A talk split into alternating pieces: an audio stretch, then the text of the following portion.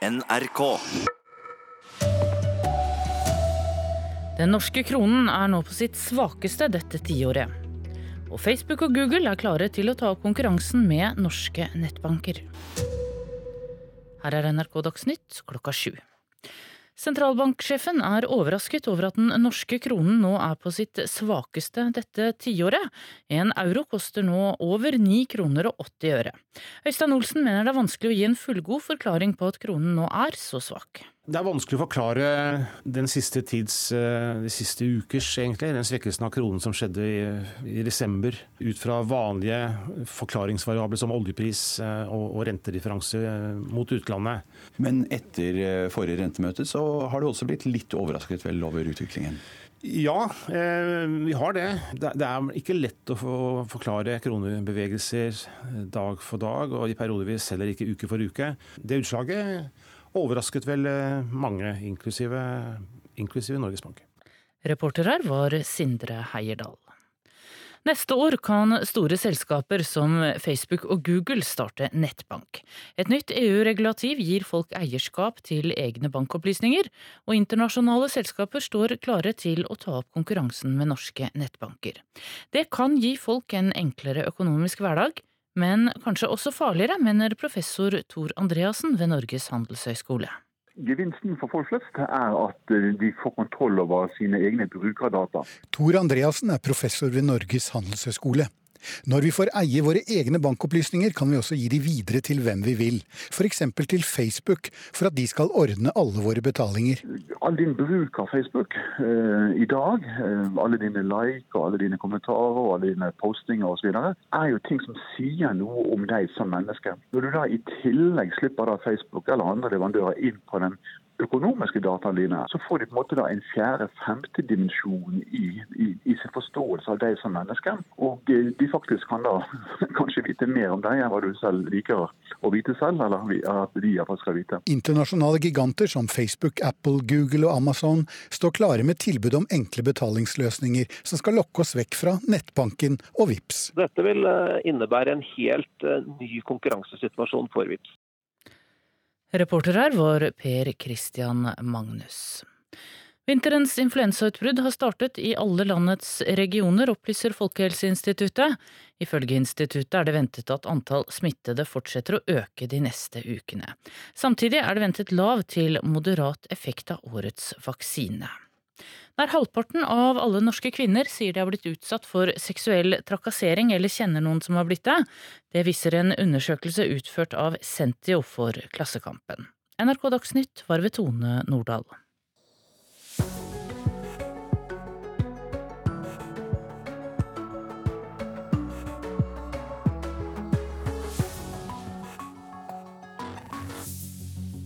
Veidirektoratet vil altså endre fartsgrensene på veiene. Det blir vanskelig å gjennomføre, tror Trygg Trafikk. Og vi skal straks eh, snakke med Fremskrittspartiet, som eh, økte fartsgrensen da de kom i regjering. Sentralbanksjefen er overrasket over de siste ukenes kronefall, for kronen er på sitt svakeste dette tiåret. Men hvorfor? Selv Øystein Olsen sliter med å forklare dette, sentralbanksjefen altså. Og avdøde artister rører på seg i form av hologramkonserter, makabert for enkelte og en hyllest for andre. Velkommen til Nyhetsmorgen her i NRK. Med Ugo Fermarello i studio. Vi skal også høre at ishockeyspiller Mats Zuccarello reddet kampen for New York Rangers i natt. I fjor døde 135 personer i trafikken. En ny rapport viser at eh, vi ved å sette ned enkelte fartsgrenser med 10 km i timen, vil kunne redusere antall drepte i trafikken med opptil 25% Nå har Veidirektoratet gått inn for å endre fartsgrensene. Men er folk egentlig villige til å senke farten? 80-70 syns jeg er litt dumt. Det kommer litt an på veien, da. Ikke udelt positiv til da, men uh, dette har ikke jeg noe innvirkning på. Nei, det syns jeg ingenting om. Jeg, jeg, tror ikke det ville fungert litt sånn. Du ser de midlertidige fartsgrensene ved veiutbyggingene. Selv om det er satt ned til 50 der, så kjører folk i 70. Folk NRK snakka med i Arendal sentrum ønska ikke å sette ned farta. Men hva om dette kunne spare liv? Ja, Det er klart at hvis det kan påvises at uh, de reduserer det, så skal jeg nok være enig, men uh, i utgangspunktet ikke. Ja, Da er det selvfølgelig veldig positivt. Ja, da, da, er det uten tvil. Da, da, da gjør man det. En rapport fra Transportøkonomisk institutt har sett på mulige nye måter å bestemme fartsgrenser på i Norge. I rapporten kommer det frem at ved å senke fartsgrensen i visse områder, kan dødeligheten i trafikken reduseres med opp mot 25% Dette er i tillegg et av de mest kostnadseffektive tiltakene som finnes for å få ned trafikkdødelighet. Ja, å innføre endrede fartsgrenser er et billig tiltak. Det krever ikke noe mer enn at man setter opp nye fartsgrenseskilt, og informasjon om det da i tillegg. Det sier mannen som har laget rapporten, Rune Elvik. Fartsgrensa han snakker om er den såkalte nullvisjonsfartsgrensen. Metoden innebærer at man setter ned fartsgrensen fra 80 til 70 på landeveier, og fra 50 til 30 eller 40 i et tettbebygde strøk. Hvis vi skal komme oss noe nærmere de etappemålene vi har satt på vei mot nullvisjon, så må vi ta i bruk relativt sterke virkemidler, og virkemidler som vi vet faktisk fungerer. Og fartsgrensesetting er jo en del av det. Bård Morten Johansen i Trygg Trafikk tror fartsreduksjon kan være et godt tiltak, men han understreker samtidig at det kan bli vanskelig å gjennomføre. Ja, altså rapporten er jo entydig, og det er så, så tydelig gevinst. Men, eh, men, som sagt, krever en del informasjon til befolkninga. Og, og, det at man da skal lage et fartsgrensesystem som, eh, som oppfattes mer forståelig blant folk, ja, det, det krever jo også en del informasjonsarbeid. Veidirektoratet har nå vedtatt et forslag som vil endre måten fartsgrenser bestemmes på. Dette forslaget vil bruke noen av elementene fra Transportøkonomisk institutt sin rapport. og åpner for å endre fartsgrenser i noen av strekningene med størst risiko for ulykker. Johansen i Trygg Trafikk tror det blir utfordrende å få folk til å forstå hvorfor man ønsker å senke fartsgrensa. Folk flest opplever jo ikke veldig stor forskjell på 10 km i timen. Men eh, det å, å, skulle skape et fartsgrensesystem som folk forstår, det er i hele tatt uh, veldig vanskelig. Men, men, det er mulig gjennom uh, skikkelig informasjonsarbeid å, få forklart da forskjellen. fordi at det her er jo fartsgrenser som, uh, som legges ut ifra menneskets tåleevne sa Bård Morten Johansen i Trygg Trafikk til reporter Lars Hegeland. Morten Stordalen, nestleder i Stortingets transport- og kommunikasjonskomité for Fremskrittspartiet. God morgen i Tønsberg. God morgen. Etter jul skal altså Samferdselsdepartementet ta stilling til om de vil innføre de endringene Veidirektoratet går inn for. Hva bør de gjøre? Nei, eh, la meg si det sånn. Eh, vi tar trafikksikkerhet på alvor. Eh, og jeg tror vi alle har et felles mål å jobbe mot nullvisjon. Men jeg tror det er riktig at vi har fartsgrenser som oppleves riktig, og ikke bare setter ned for å sette ned. Men eh, det er jo flere faktorer som spiller inn for trafikksikkerhet. Det er jo veiens beskaffenhet. Eh, det er derfor eh, også denne regjeringen med Fremskrittspartiet spissen bruker mye på veivedlikehold, ikke bare bygge nye veier. Og Det er viktig også å legge til rette for at folk kan kjøpe seg trafikksikre biler. Det betyr at bilavgiften får fortsatt settes ned. Og så kan det være selvfølgelig at i enkelte strekninger hvor man kanskje bør vurdere å sette ned. For, for, det viser det seg jo fra Transportøkonomisk institutt at vil redusere på enkelte strekninger dødeligheten, og, og Vegdirektoratet anbefaler det på enkelte strekninger. Fra 80 til 70, fra 50 til 40 eller 30. Bør de si ja til det? Nei, Jeg er ikke, jeg er ikke helt uh, sånn udelt positiv med en gang. fordi det, det, betyr også at en del strekninger bør man kanskje også vurdere å sette opp.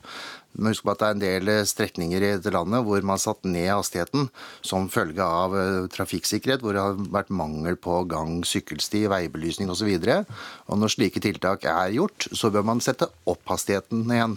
Og det, det mener du vel at din regjering har sørget for at disse tiltakene er kommet mer på plass, da kanskje? Ja, men det er fortsatt mye å gjøre. Eh, og det ligger også mye på kommuner og fylkeskommuner som da tidligere har søkt om å sette ned hastigheten fordi at man kanskje har mangla en gang sykkelsti. Og da er det viktig at når det er på plass, at man setter opp hastigheten igjen. For det, for handler, om, for det handler om respekten sant, for fartsgrensene, sånn at det oppleves riktig. Mm. Noe av det første dere gjorde i regjering, var å, å, å, sette opp fartsgrensen til 110 på noen av motorveistrekningene, de, de, de, beste av dem. Er det et poeng nettopp for at vi skal uh, ha forståelse for fartsgrensen, at noen steder er det lov å kjøre fortere enn det var? Jo, men jeg tror det er viktig, nettopp fordi at eh, veien er bygd for å tåle det. Og også at det, eh, i tillegg at det oppleves mer riktig. For det betyr jo det som skjedde når man satt opp fra 100 til 110, det var det at eh, folk kjørte omtrent samme hastighet som de gjorde før. Men nå, nå kjører de mer lovlig, og det kjører altså sånn som det oppleves mer riktig. Og det er viktig at vi husker på. At vi ikke setter fartsgrenser bare for å sette de. Det må også oppleves riktig for brukeren av veiene. Og når du sier at på enkelte strekninger der sikringstiltakene er kommet på plass, så bør vi kunne sette grensen opp igjen, så betyr det vel også at du da åpner for at på, på, på strekninger hvor det viser seg av den ene eller andre årsaken at, at det vil bli sikrere ved å kjøre saktere, så, så bør vi sette ned? Ja, Det vil sikkert være enkelte strekninger som det kan gjøres det på. For vi må jo se på hvor er det på en måte, hva slags bebyggelse er langs veien, hva slags av- og påkjørsler er det. Men eh, jeg tror det at det, det er jo ikke eksakt vitenskap, det med hastighet, å sette ned med 10 km, som man har tatt til orde for. Eh, som jeg sier, det er flere faktorer, og det er at vi har en god, trygg vei å kjøre på, at det gjøres gode utbedringstiltak, godt vedlikehold. Det handler om bilparken vår, som blir stadig tryggere og sikrere, og det skal vi fortsatt legge til rette for. Så kan Du nevnte det, men, men hvordan, i det store og det hele, tilbake til kjernespørsmålet, hvordan skal vi nå nullvisjon? Ja, Det tror jeg vi på en måte alle skal jobbe godt for å klare å nå. Og det tror jeg vi alle er opptatt av, uavhengig av politisk retning og sånn sett og ståsted. Alle ønsker nullvisjon. Alle jobber mot det. Og da er det, det er føreropplæring som er viktig, og det er at vi faktisk har et godt vedlikeholdt veinett. Det handler om at vi har gode, trygge, trafikksikre biler. Også holdningsskapende arbeid.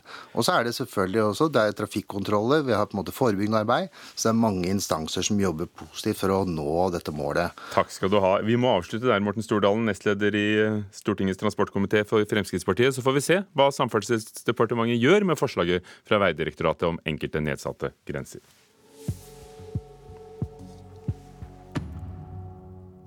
Statsminister Erna Solberg skal besøke president Donald Trump i USA, i Det hvite hus 10. januar. og både statsministerens kontor og Det hvite hus eh, bekrefter dette besøket. Eh, Washington-korrespondent Anders Magnus, hva skal møtet dreie seg om? Det er et eh, normalt bilateralt møte som skal dreie seg om forholdet mellom eh, USA og Norge. Og eh, der er det først og fremst handel og investeringer eh, de to landene mellom. Og også eh, sikkerhetssamarbeid, spesielt når det gjelder Nato. Og amerikanerne ønsker også å snakke om koalisjonen mot IS. Normalt, sier du, men det er jo ikke normalt for oss. For det er første gang de har et eget bilateralt møte, selv om eh, Solberg og Trump møtte hverandre både under eh, G20 og Nato-toppmøtene i året som er gått. Ja, eh, de har ikke møtt hverandre før ansikt til ansikt, men så har jo ikke Trump vært president mer enn ett år heller.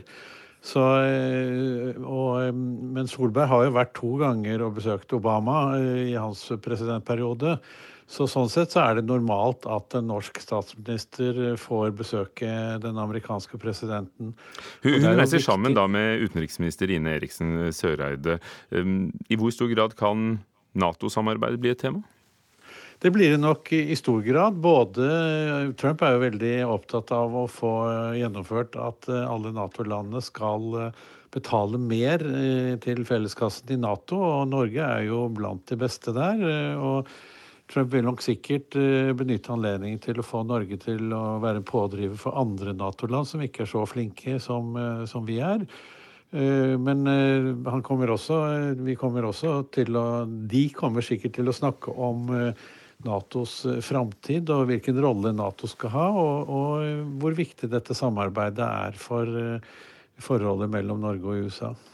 Men er det kinkig at Erna Solberg bl.a. har kritisert Trumps innreiseforbud, og, og Norge var blant de landene som ikke støttet Trumps anerkjennelse av Jerusalem som Israels hovedstad i, i FN? Kan, kan det sette legge en dempe på stemningen? Jeg tror nok at eh, Erna Solberg eh, er flink nok til at hun ikke kommer til å mm, legge vekt på akkurat de tingene i dette besøket. Og hvis ikke Trump heller tar det opp, så tror jeg nok ikke det kommer til å ødelegge stemningen i møtet. Det er nok andre temaer som kan bli atskillig vanskeligere for de to. F.eks. når eh, Erna Solberg ønsker å snakke om betydningen av frihandel, som jo er veldig viktig for Norge. Og også når hun vil snakke om at USA må komme sterkere på banen når det gjelder klimapolitikken. Vi vet jo at Trump har jo meldt USA ut av Parisavtalen, og dette er nok ting som kan, kan skape vanskeligheter i samtalene de to imellom. Takk skal du ha. Anders Magnus, vår mann på plass i Washington DC.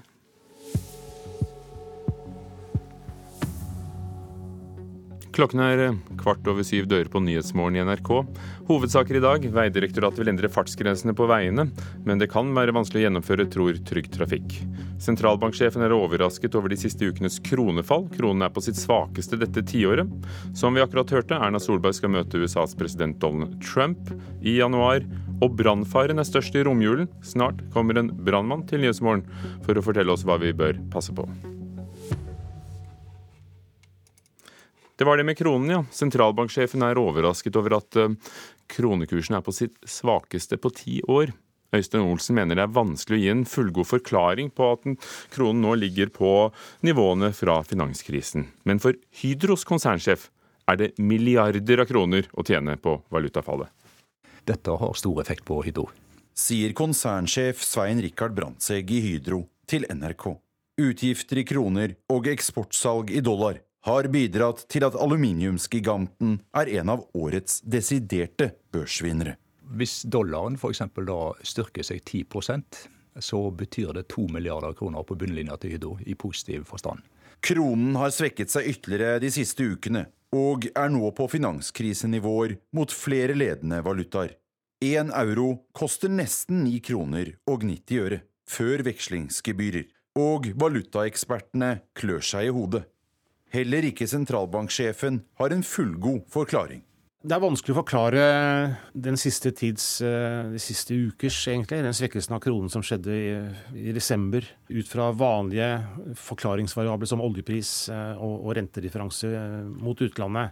Som Øystein Olsen påpeker, biter selv ikke de siste ukenes oljeprisoppgang nevneverdig på kronekursen. Men frykt for boligprisfallet i både Norge og Sverige kan ha skremt en del utenlandske investorer vekk fra både norske og svenske kronen. Så har kronen vært overraskende svak. Og så, så vi, har, vi, har, ikke noen ytterligere forklaringer enn det som eh, man eh, snakker om i markedet. Men etter eh, forrige rentemøte så har du også blitt litt overrasket vel over utviklingen? Ja, eh, vi har det. Det er ikke lett å forklare kronebevegelser eh, dag for dag, og i periodevis heller ikke uke for uke. Da Olsen for to uker siden varslet om at første renteøkning rykker nærmere, ga det som forutsatt umiddelbart en styrking av krona. Men så snudde det, helt motsatt av hva også Olsen ventet. Så svekket den seg igjen i de påfølgende dagene, og den, det utslaget overrasket vel eh, mange, inklusive, inklusive Norges Bank. Og Kan dette fortsette? Holder du muligheten åpen for at kronen vil være vedvarende svak utover nyåret? Eh, vi tror mest på at eh, dette, denne, denne, risikopremien, som vi kan kalle dette uforklarte elementet i, i kronekursen, at det vil uh, reverseres. Slik at kronen da vil i så fall, hvis vi får rett, vil bli en god del sterkere enn eh, det vi ser for tiden. Flere valutaeksperter har derimot i det siste fått økt tro på at krona kan forbli svak i lengre tid. I så fall til fortvilelse for utenlandsferierende nordmenn, og til glede for norsk eksportindustri. Men Hydro-sjefen legger seg uansett ikke på latsiden. Ja, Vi er forberedt på at uh, dette vil svinge. Uh, vi lar oss ikke slappe av for det om uh, når vi har noe, litt medvind på kronekursen. Vi skal gjøre produksjonen og driften vår bedre i dag enn det var i går. Det løpet kommer til å fortsette videre. Sier konsernsjefen i Hydro Svein Rikard Brandtzæg. Og det blir mer om kronekursen og hva det gjør med norsk økonomi i Politisk kvarter klokken 7.45. En knapp halvtime til, reporter Sindre Heierdal. En enebolig er totalskadet etter en brann i Åsgårdstrand i natt. Da politiet fikk melding om brannen klokken halv fire, var det full fyr i huset, forteller operasjonsleder Inge Åmli Landsrød. Eh, det ble tidlig bekrefta fra brannvesenet, som var, eh, melder inn til oss at eh, den ene beboeren som er registrert her, hadde tatt seg over til en nabo. Sånn at det var evakuert seg selv der, og ikke fare for at noen var inne. Vi vet ikke noe om årsaken der. og Det er fortsatt ikke mulig å foreta noe åstedsundersøkelse på stedet der enda. Og romjulen er den tiden det er mest fare for brann. Av de totalt 1004 som har omkommet i brann siden år 2000, døde 141 i desember måned. De siste fem årene har det vært 320 meldte brannskader på andre juledag, bare for å nevne noe av statistikken. Det handler om levende lys, fyr i peisen, selskap og pynting. Gorm Sjøli, fungerende brigadesjef i Oslo brann- og redningsetat. Hva er de største brannfarene? Ja, du kan si at nå i jula så er det det med, med levende lys, eh, åpen ild, som er en av de største brannårsakene. Det er også en del mer festligheter nå i jula enn det er ellers i året. Folk som lager seg mat når de kommer hjem, kanskje i alkoholpåvirket tilstand. Det er eh, sånne ting som vi rykker ut på nå ved disse tider. For det handler jo kanskje ikke så mye om lyset som hvordan vi behandler det?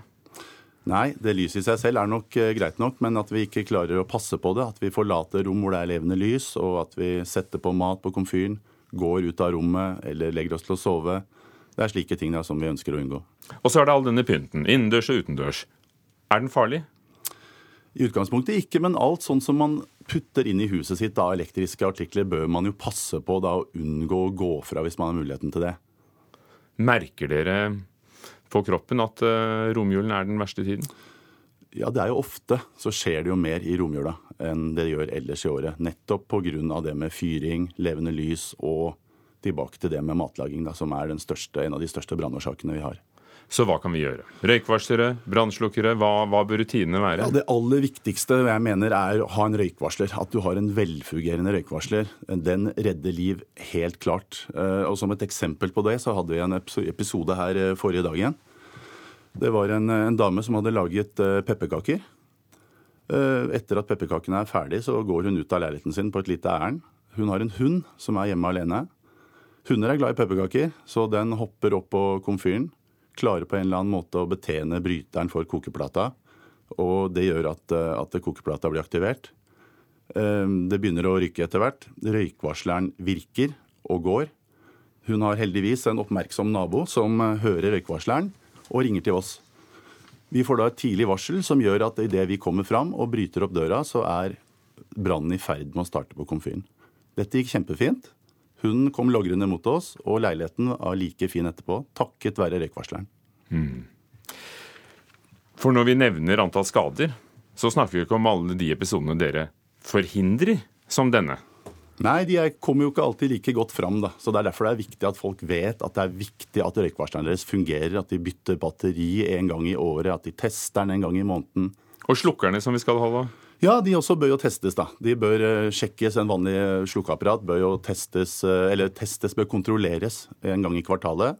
Den skal inn til kontroll hvert femte år, og en utvidet kontroll hvert tiende år. I tillegg så har man jo husbrannslanger, og de bør også sjekkes en gang i året. At uh, krana virker, og at husbrannslangen ikke er morken og har andre skader. Men når du sier teste brannslukker, du mener ikke sprøyte rundt? Nei, det er litt dumt, da. Men uh, må sjekke at, uh, at uh, det er en, et trykkmanometer på toppen av røykvarsleren av brannslukningsapparatet. At den står på grønt, at det er trykk i den. Man bør også snu den opp ned et par ganger hvis det er et pulverapparat som gjør at ikke pulveret klumper seg i bånn. Det kan ikke sies for ofte. Du nevnte ikke gå fra elektriske apparater, i hvert fall ikke levende lys, eh, matlagning. Men lading. Hva med lading av alle dingsene, som kanskje folk har fått flere av eh, i julen? Ja, I dag har vi jo alt mulig rart av elektriske artikler som skal lades eh, både seint og tidlig. holdt jeg på å si. Og det, det, beste er jo ikke lade ting om natta, eller når man ikke er til stede. Det gjelder i særlig grad mobiltelefoner. Gjør det til en god rutine å, å lade ting før man går og legger seg, eller før man forlater hjemmet. Det er en veldig god rutine å ha. For hva kan skje? Nei, Det kan gå varmt, og det kan oppstå brann i laderne. Takk skal du ha, Gorm Sjøli, fungerende brigadesjef i Oslo brann- og redningsetat. Så håper vi at statistikken blir bedre i år enn i fjor.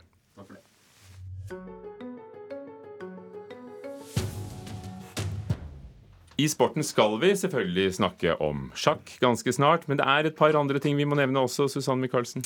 Ja, sånn som eh, når en eh, nordmann blir natten helt i eh, New York, så må vi ta med det.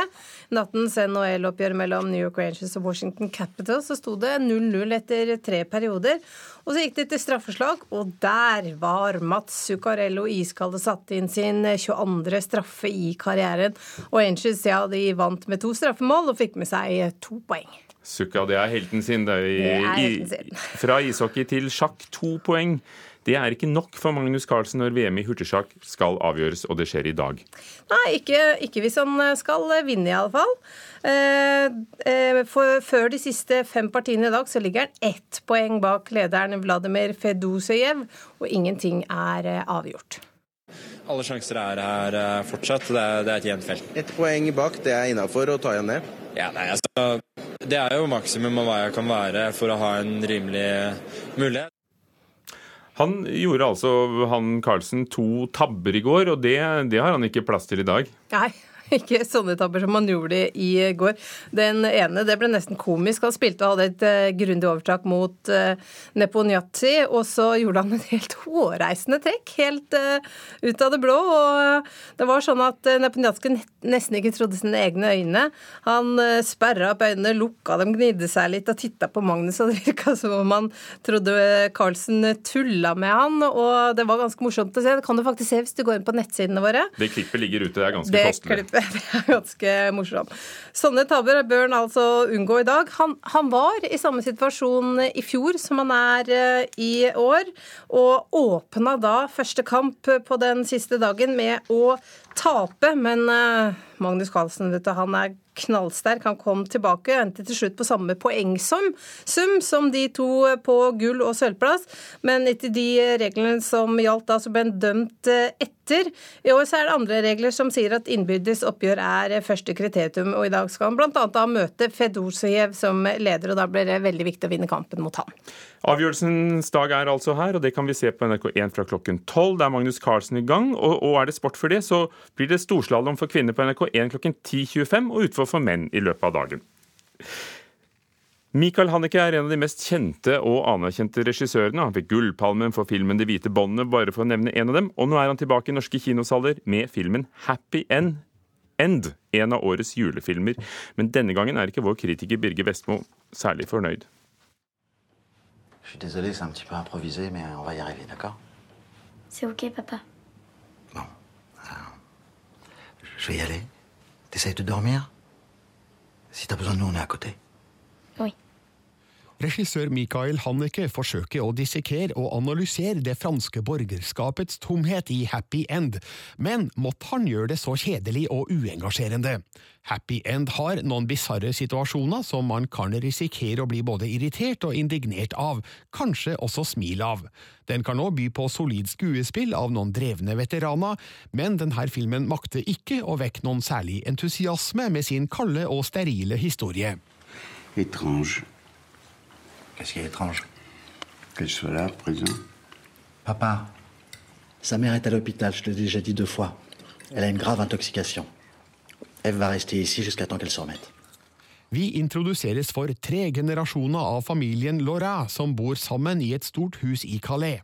Anne, spilt av Isabel Huppert, og sønnen Pierre, spilt av Frans Rogowski, får problemer når en arbeidsulykke rammer deres entreprenørselskap, og må søke hjelp hos Annes britiske forlovede Lawrence, spilt av Toby Jones. Thomas Lauret, spilt av Mathieu Kassowitz, må ta av seg dattera Eve, spilt av Fantine Hardouin, når ekskona havner på sykehus. Og familiens eldste, Georges, spilt av Jean-Louis Trintignan, vil helst avslutte livet, men trenger hjelp til å gjennomføre det. Excuse-moi, je suis gâteux, je sais. Donc tu ne vas pas rester ici. Et ça va, j'ai compris maintenant. Quand même, bienvenue au club. Starten filmes på avstand gjennom et mobilkamera, og denne avstandsfølelsen videreføres i resten av filmen. Man kommer aldri nært inn på figurene, som virker emosjonelt avstumpa og likegyldige til både hverandre og sine egne liv. Det er ironisk og betegnende at det nærmeste man kommer ekte følelser, formidles gjennom tekst på dataskjerm, ikke gjennom dialog. Det er som om Haneke ikke ønsker at publikum skal knytte emosjonelle bånd til noen i persongalleriet. Det er en crédit considérable, Pierrot. er min fils det er le futur patron. Hmm Det er mye som skal formidles i Happy End, men ingen av bestanddelene virker veldig interessante, verken eh, George sin livstrøtthet, Anns problemer med sønnen eller Thomas sitt utroskap og datteras vonde hemmelighet. Michael Hanneke forsøker òg å gjøre migrantflommen i Calais til en del av historien, men det gjøres klossete og lite troverdig, blant annet i et merkelig oppkonstruert opptrinn i filmens klimaktiske restaurantscene. Happy End er en fotnote i Michael Hannekes ellers så sterke filmografi, og mangler den nerven, estetikken og sosiale kommentaren som preger hans beste.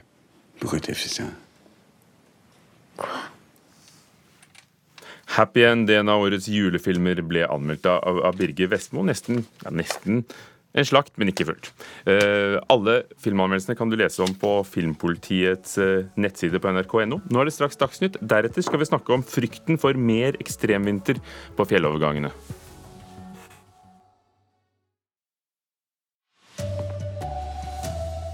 Veidirektoratet vil senke fartsgrensen på flere norske veier. Den norske kronen er nå på sitt svakeste dette tiåret. Og Facebook og Google er klare til å ta opp konkurransen med norske nettbanker. God morgen, her er NRK Dagsnytt. Klokka er 7.30. Veidirektoratet går inn for å sette ned fartsgrensen flere steder.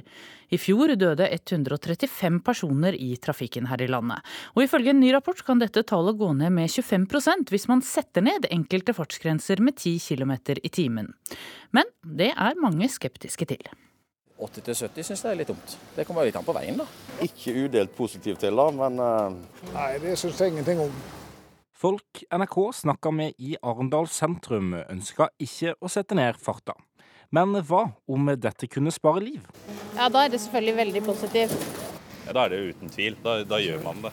En rapport fra Transportøkonomisk institutt har sett på mulige nye måter å bestemme fartsgrenser på i Norge. I rapporten kommer det frem at ved å senke fartsgrensen i visse områder, kan dødeligheten i trafikken reduseres med opp mot 25% dette er i tillegg et av de mest kostnadseffektive tiltakene som finnes for å få ned trafikkdødelighet. Det krever ikke noe mer enn at man setter opp nye fartsgrenseskilt, og informasjon om det da i tillegg. Det sier mannen som har laget rapporten, Rune Elvik. Metoden innebærer at man setter ned fartsgrensen fra 80 til 70 på landeveier, og fra 50 til 30 eller 40 i et tettbebygde strøk. Veidirektoratet har nå vedtatt et forslag som vil endre måten fartsgrenser bestemmes på. Dette forslaget vil bruke noen av elementene fra Transportøkonomisk institutt sin rapport, og åpner for å endre fartsgrenser i noen av strekningene med størst risiko for ulykker. Bård Morten Johansen i Trygg Trafikk tror fartsreduksjon kan være et godt tiltak. Og det at man da skal lage et fartsgrensesystem som, eh, som oppfattes mer forståelig blant folk, ja det krever jo også en del informasjonsarbeid. Reporter her var Lars Hægeland. Og etter nyttår skal Samferdselsdepartementet ta stilling til forslaget fra Veidirektoratet.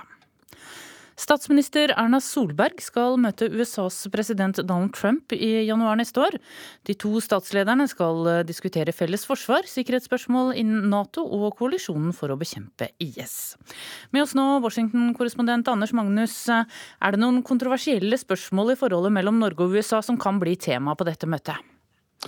Det er vel ikke noen spesielle vanskelige eh, eh, problemer mellom Norge og USA for tiden, men det som kan bli kontroversielt, er når Erna Solberg ønsker å ta opp fellesløsninger både når det gjelder handel og også når det gjelder klima, hvor jo Trump har eh, trukket USA ut av Parisavtalen, og også ønsker å trekke USA ut av en del eh, handelsavtaler. Så disse tingene kommer nok til å være vanskelig å diskutere. Hvor viktig er dette møtet for Norge? Det er veldig viktig for Norge å opprettholde et nært og godt eh, samarbeid med USA. Spesielt fordi vi er så avhengig av USA gjelder, og Nato selvfølgelig når det gjelder sikkerhetspolitikken. Og utenriksministeren er også med på dette møtet, så det er klart at dette er en alliert som Norge veldig stor, legger veldig stor vekt på å ha et svært nært forhold til. Og det ønsker man uansett hvem som er president i Det hvite hus. Takk skal du ha, Washington-korrespondent Anders Magnus. Sentralbanksjefen er overrasket over at den norske kronen nå er på sitt svakeste dette tiåret. En euro koster nå over 9 kroner og 80 øre. Sentralbanksjef Øystein Olsen mener det er vanskelig å gi en fullgod forklaring på at kronen nå er så svak. Men for Hydros konsernsjef er det milliarder å tjene på valutafallet. Dette har stor effekt på Hydro.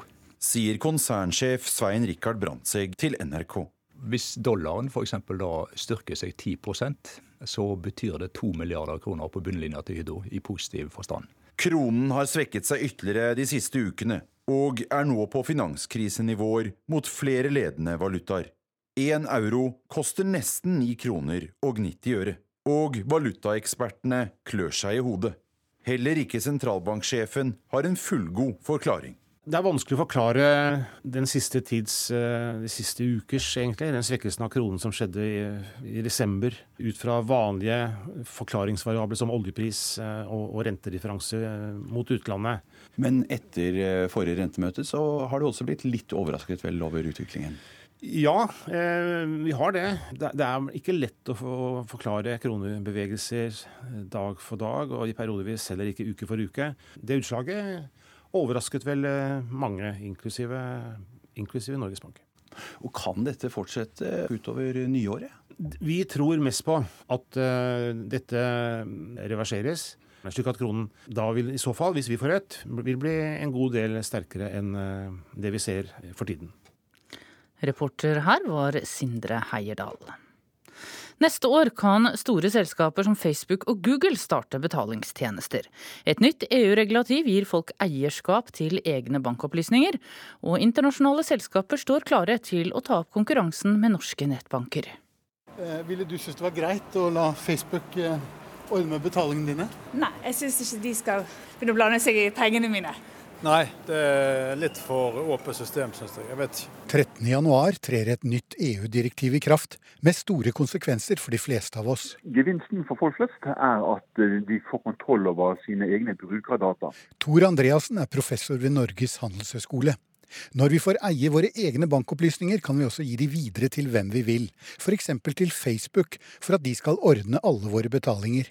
All din bruk av Facebook eh, i dag, eh, alle dine like og alle dine kommentarer og alle dine postinger osv., er jo ting som sier noe om deg som menneske. Når du da i tillegg slipper da Facebook eller andre leverandører inn på den økonomiske dataene dine, så får de på en måte da en fjerde-femte dimensjon i, i, i, sin forståelse av deg som menneske. Og eh, de faktisk kan da kanskje vite mer om deg enn hva du selv liker å vite selv, eller at de iallfall skal vite. Internasjonale giganter som Facebook, Apple, Google og Amazon står klare med tilbud om enkle betalingsløsninger som skal lokke oss vekk fra nettbanken og VIPS. Dette vil eh, innebære en helt eh, ny konkurransesituasjon for VIPS. Rune Garborg er sjef for VIPS som mange norske banker tilbyr som betalingstjeneste for sine kunder. VIPS har i dag 2,5 million brukere i Norge.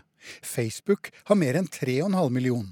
For å stå imot konkurransen har VIPS et mål om å få flere brukere enn Facebook. Syns dere det blir greit å la Facebook eh, overta bankfunksjonærrollen for dere? Altså, det hadde jo kanskje blitt eh, enklere, da, med tanke på at jeg bruker jo Facebook eh, ganske mye. Og da er det ganske enkelt og greit å ha det på ett sted, liksom. Reporter her var Per Christian Magnus. Bare to av ti spurte nordmenn er villige til å fly mindre for å spare miljøet. Vestlendinger og oslofolk er eh, villigst til å redusere flytiden til fordel for klimaet, ifølge en undersøkelse gjort av Norstat for vårt land. Ifølge forskere ved Cicero senter for klimaforskning er det mange som føler at de har rett til å fly. Det kommer også frem at kvinner er, eh, viser større vilje til å droppe flyturer enn menn, og at yngre er villigere til å fly mindre enn eldre. Det at en verdenskjent musikkartist dør, trenger slett ikke å bety at han eller hun slutter å opptre. Ved hjelp av digital teknologi kan avdøde artister reise ut på turné og opptre foran store folkemasser, og dette kan bli en viktig del av underholdningsindustrien. Konserter med artister som er døde, eller som har slutta å turnere, spås å bli en voksende del av musikkindustrien. Og det er takket være hologramteknologien. Den går ut på at publikum får oppleve en tredimensjonal datafremstilling av en artist som beveger seg rundt på scenen og synger gamle sanger om igjen. Gjerne med fullt band til stede. Artister som Roy Orbison og Frank Zappa, som begge har vært døde i over 25 år, skal også ut på turné som hologram til neste år. Jeg tror jo aldri at det kommer motsvare en livekonsert. Det her er Martin Nilsen hos konsertarrangøren Live Nation. De forsøkte å arrangere hologramkonsert med Ronny James Dio på Rockefeller i Oslo i desember. Men billettsalget gikk såpass dårlig at konserten ble avlyst. Vi syntes vel at det var et interessant konsept som var verdt å prøve. Eh, men vi så jo ganske snabbt at det fantes en ekstrem skepsis fra eh, besøkerne. I'll be I'll be honest. I mean, I think the people that that speak in that tone. Jeff Pesuti er toppsjef i iLution. Det er et verdensledende firma på hologramunderholdning. De som snakker på den måten, vet ikke hva vi prøver å skape. Vi prøver å hedre livsverket til artistene, sier han. Reporter i dette innslaget var Oddvin Aune. Ansvarlig for NRK Dagsnytt i dag er Erlend Rønneberg. Her i studio Tone Nordahl.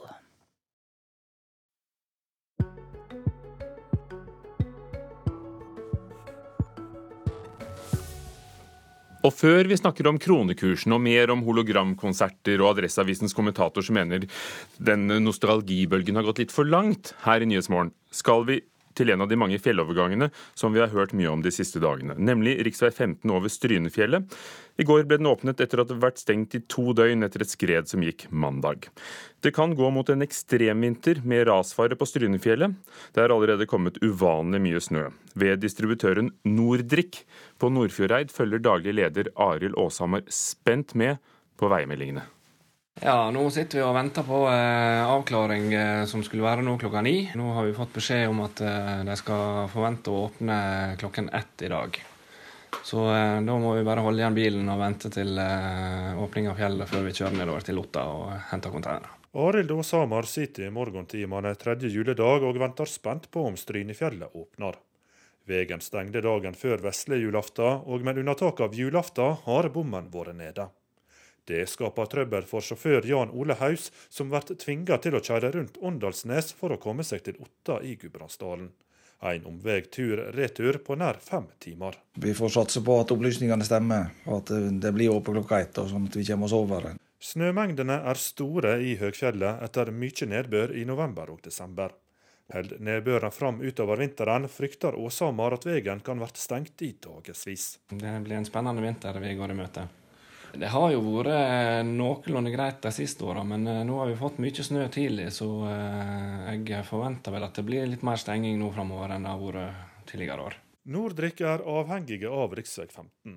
De distribuerer drikkevarer fra Ringnes til Sogn og Fjordane og Møre og Romsdal, og henter varene på Otta, der rv. 15 og E6 møtes. Vi har flere avganger hver dag. Det er ganske omfattende for oss når vi må kjøre rundt til Åndalsnes og sånne ting. Avdelingsleder ved Norske geoteknisk institutt, Ulrik Domås, jobber med NGI sin forskningsstasjon på Strynefjellet.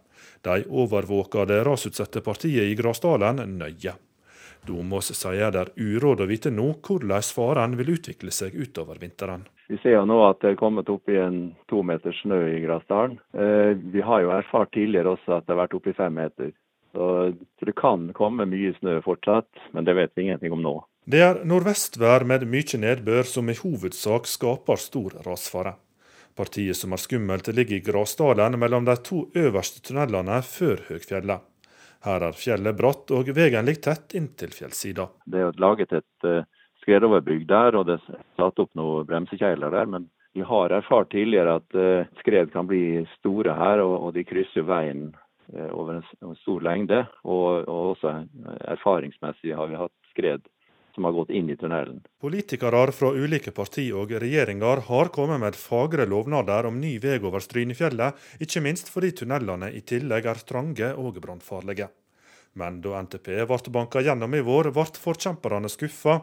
Regjeringa har heller ikke landa prosessen med hvordan veien skal se ut i praksis. Høyre-ordfører i Stryn og vara til Stortinget Sven Flo vedgår at han er misnøyd med framdrifta. Håpet er ny tunnel til over 3 milliarder kroner. Strynefjellet jo, har jo vært det desidert viktigste prosjektet vi har jobba med. Og eh, Det som eh, da er utfordringen vår og frustrasjonen vår, er at de føler at det er altfor mye ballspill sentralt. Det er for mye fram og tilbake. og Det er jo det som, som skaper også vår frustrasjon. Men det som er viktig nå, det er jo at man får avklaringer. Jeg tror nok det er ganske mange med meg syns at dette er helt håpløst, at det ikke har blitt gjort noe ennå. Sier Jan Ole Haus, som får støtte fra lederen sin Arild Åshamar. Med en så viktig vei som går øst-vest, så eh, burde det ha vært gjort noe med for lenge siden. Og den rasfaren i Grasdalen den eh, er ganske stor, så eh, det eneste alternativet der er en ny tunnel. Og Strynefjellveien åpnet altså i går etter flere dager med stengning. Reporter var Asgeir Heimdal Reksnes. Dette er Nyhetsmorgen i NRK. Veidirektoratet vil endre fartsgrensene på veiene. Vanskelig å gjennomføre, tror Trygg Trafikk. Sentralbanksjefen er overrasket over de siste ukenes kronefall. Avdøde artister gjenoppstår i form av hologramkonserter. Og Erna Solberg skal møte Donald Trump. Kjell Magne Bondevik har møtt flere amerikanske presidenter. Han forteller om sine erfaringer senere i Nyhetsmorgen. I Politisk kvarter i dag setter programleder Sindre Heirdal lupen på norsk pengepolitikk og en av årets desiderte børsvinnere.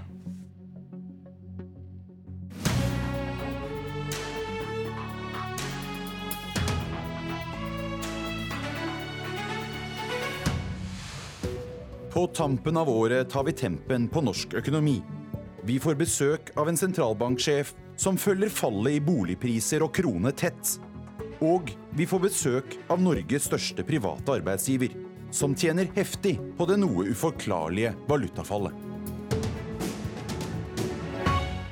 Sentralbanksjef Øystein Olsen, velkommen til Politisk kvarter. Takk for det. Denne sendingen eh, er i opptak for eh, romjulen. Hva i norsk økonomi har overrasket deg mest i år? Det er eh, det som, det som har snudd, og, og, kanskje mest naturlig å peke på, er boligmarkedet. Prisen har steget kraftig lenge, så omslaget måtte komme.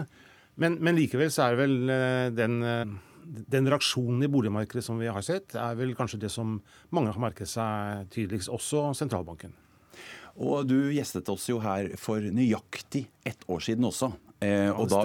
Ja, og da uttrykte du også bekymring for eh, boligmarkedet og tilhørende gjeldsopptak i husholdningene. Så har vi jo hatt, som du, som du, nevner, fallet i boligprisene siden, men gjeldsopptaket er fortsatt veldig høyt. Det er over 6 eh, årlig. Øker det bekymringen din? Nei, jeg, nei, jeg vil snarere i forhold til i fjor. Eh, gjeldsopptaket er høyt. Eh, husholdningene låner penger, og de fortsetter å øke gjelden sin. Men, men den låneopptaket akselererer ikke.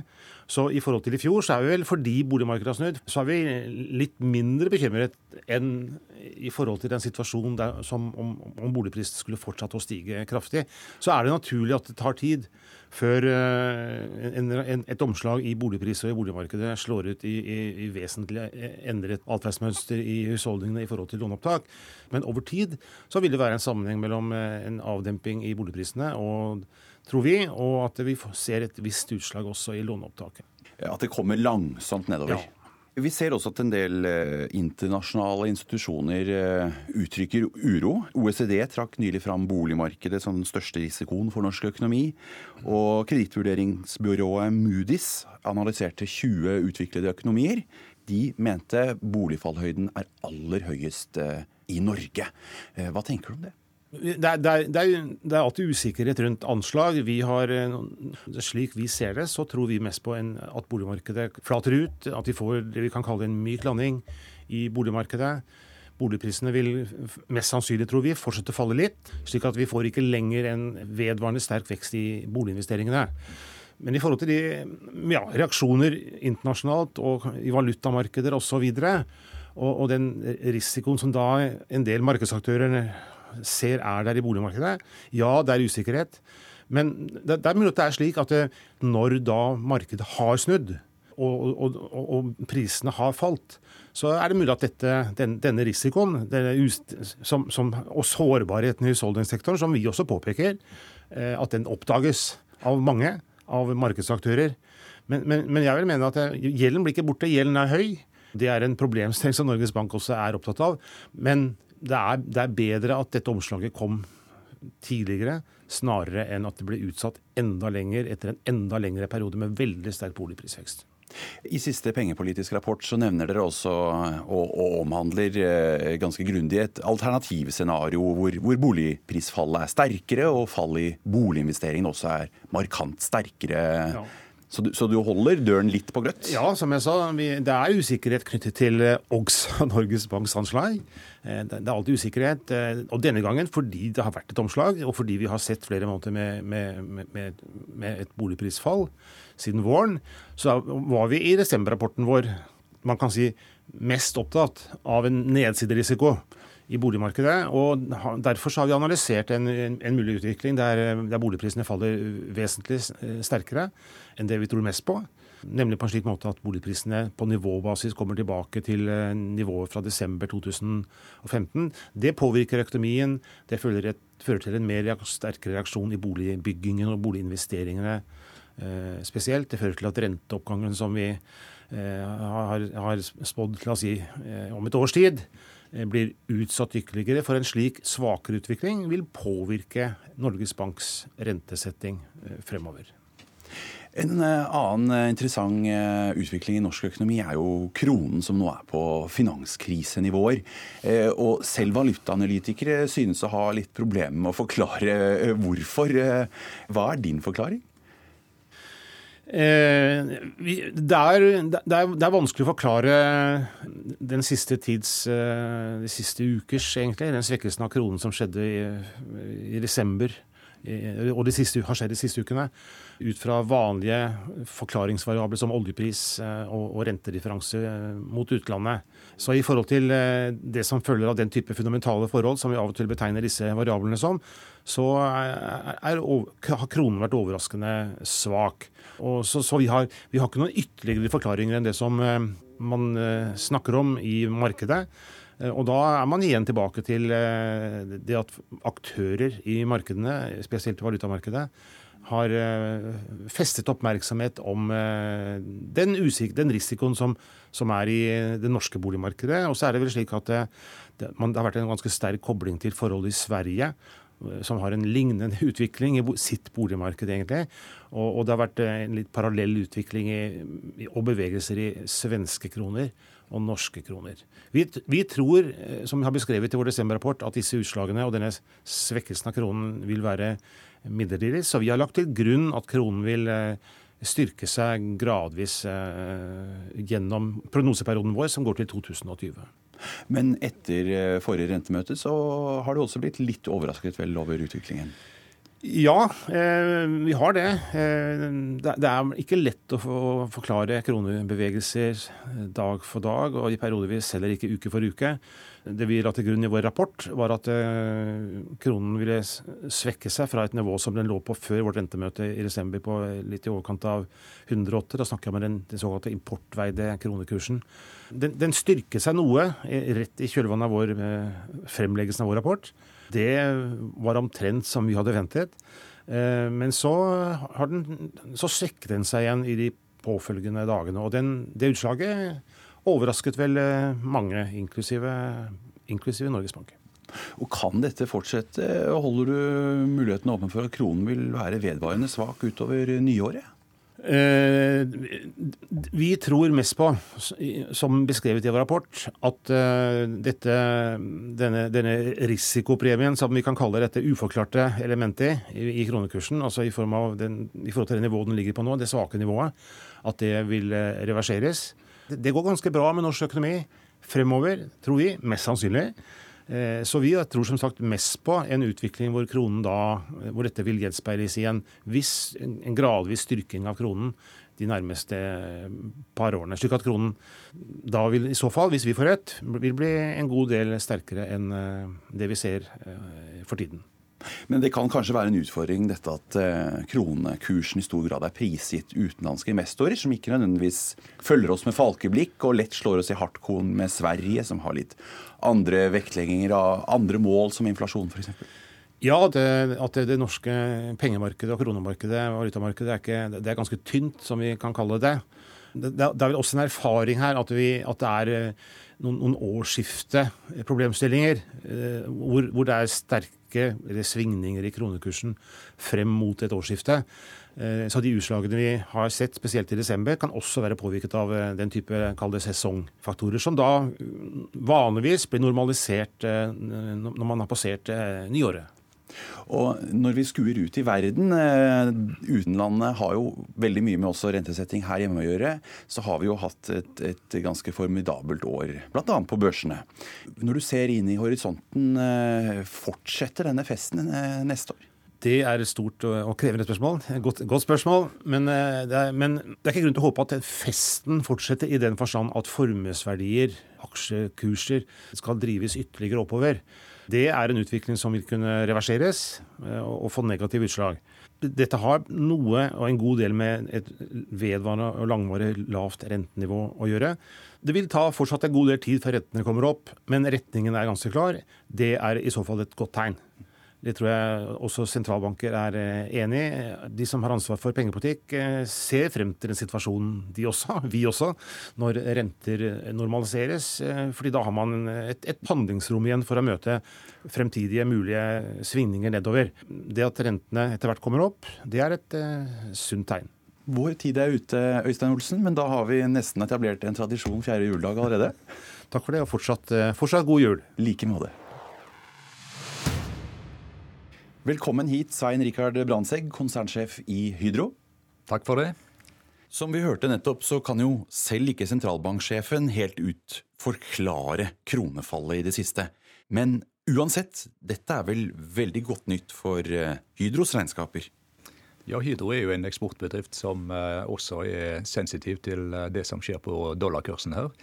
Hvis dollaren f.eks. da styrker seg 10 så betyr det to milliarder kroner på bunnlinja til Hydro i positiv forstand.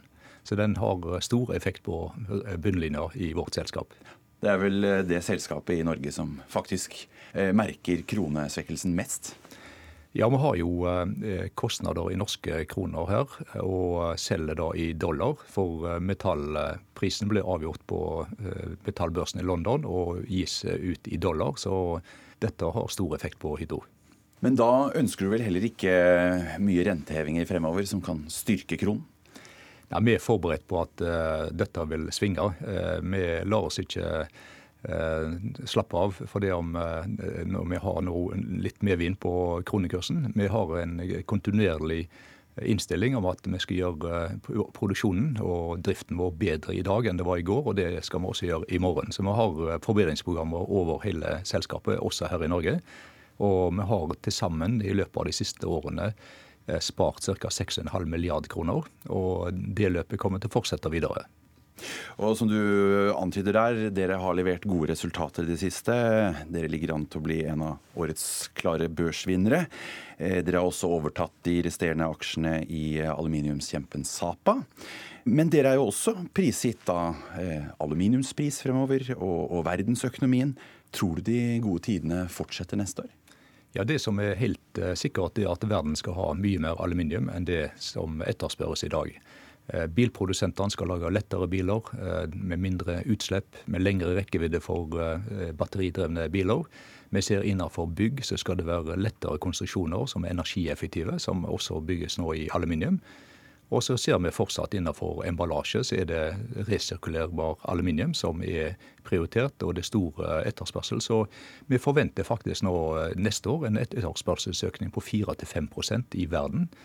Og eh, også en, en, god etterspørsel de neste ti årene, faktisk. Så vi har eh, gode markedsutsikter for våre produkter. Men ser du noen eh, mørke skyer? Det har jo bl.a. vært eh, børsfest lenge, og som du nevner har god etterspørsel. Eh, viktig for aluminium også at det går godt i Kina. Men det kommer jo gjerne et børskrakk eller en finanskrise da, med ujevne mellomrom. Er det noe du, du frykter?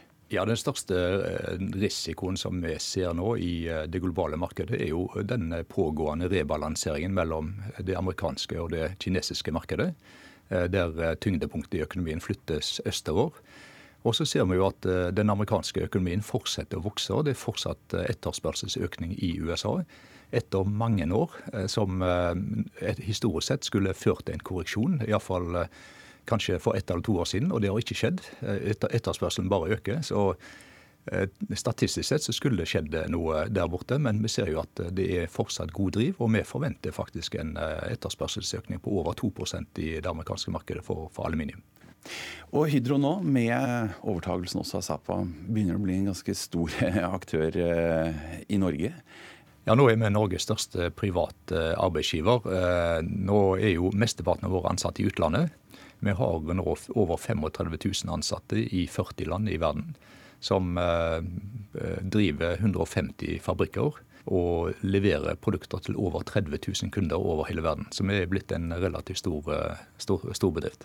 Hva tror du om behovet for ansatte fremover i tid, også her hjemme? Ja, Vi skal jo ansette folk nå på Husnes f.eks. Vi har nettopp ansatt en god del som skal drive piloten på Karmøy.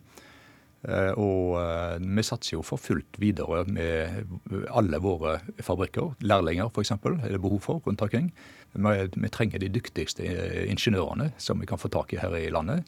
Og vår satsing på teknologi det gjør at vi, vi ønsker å få, få tak i de, de, de, beste kandidatene på mange forskjellige områder her i Norge. Vår tid er ute. Takk skal du ha, Svein Rikard Brandtzæg. Takk for det. Politisk kvarter er over. I studio satt Sindre Heierdal.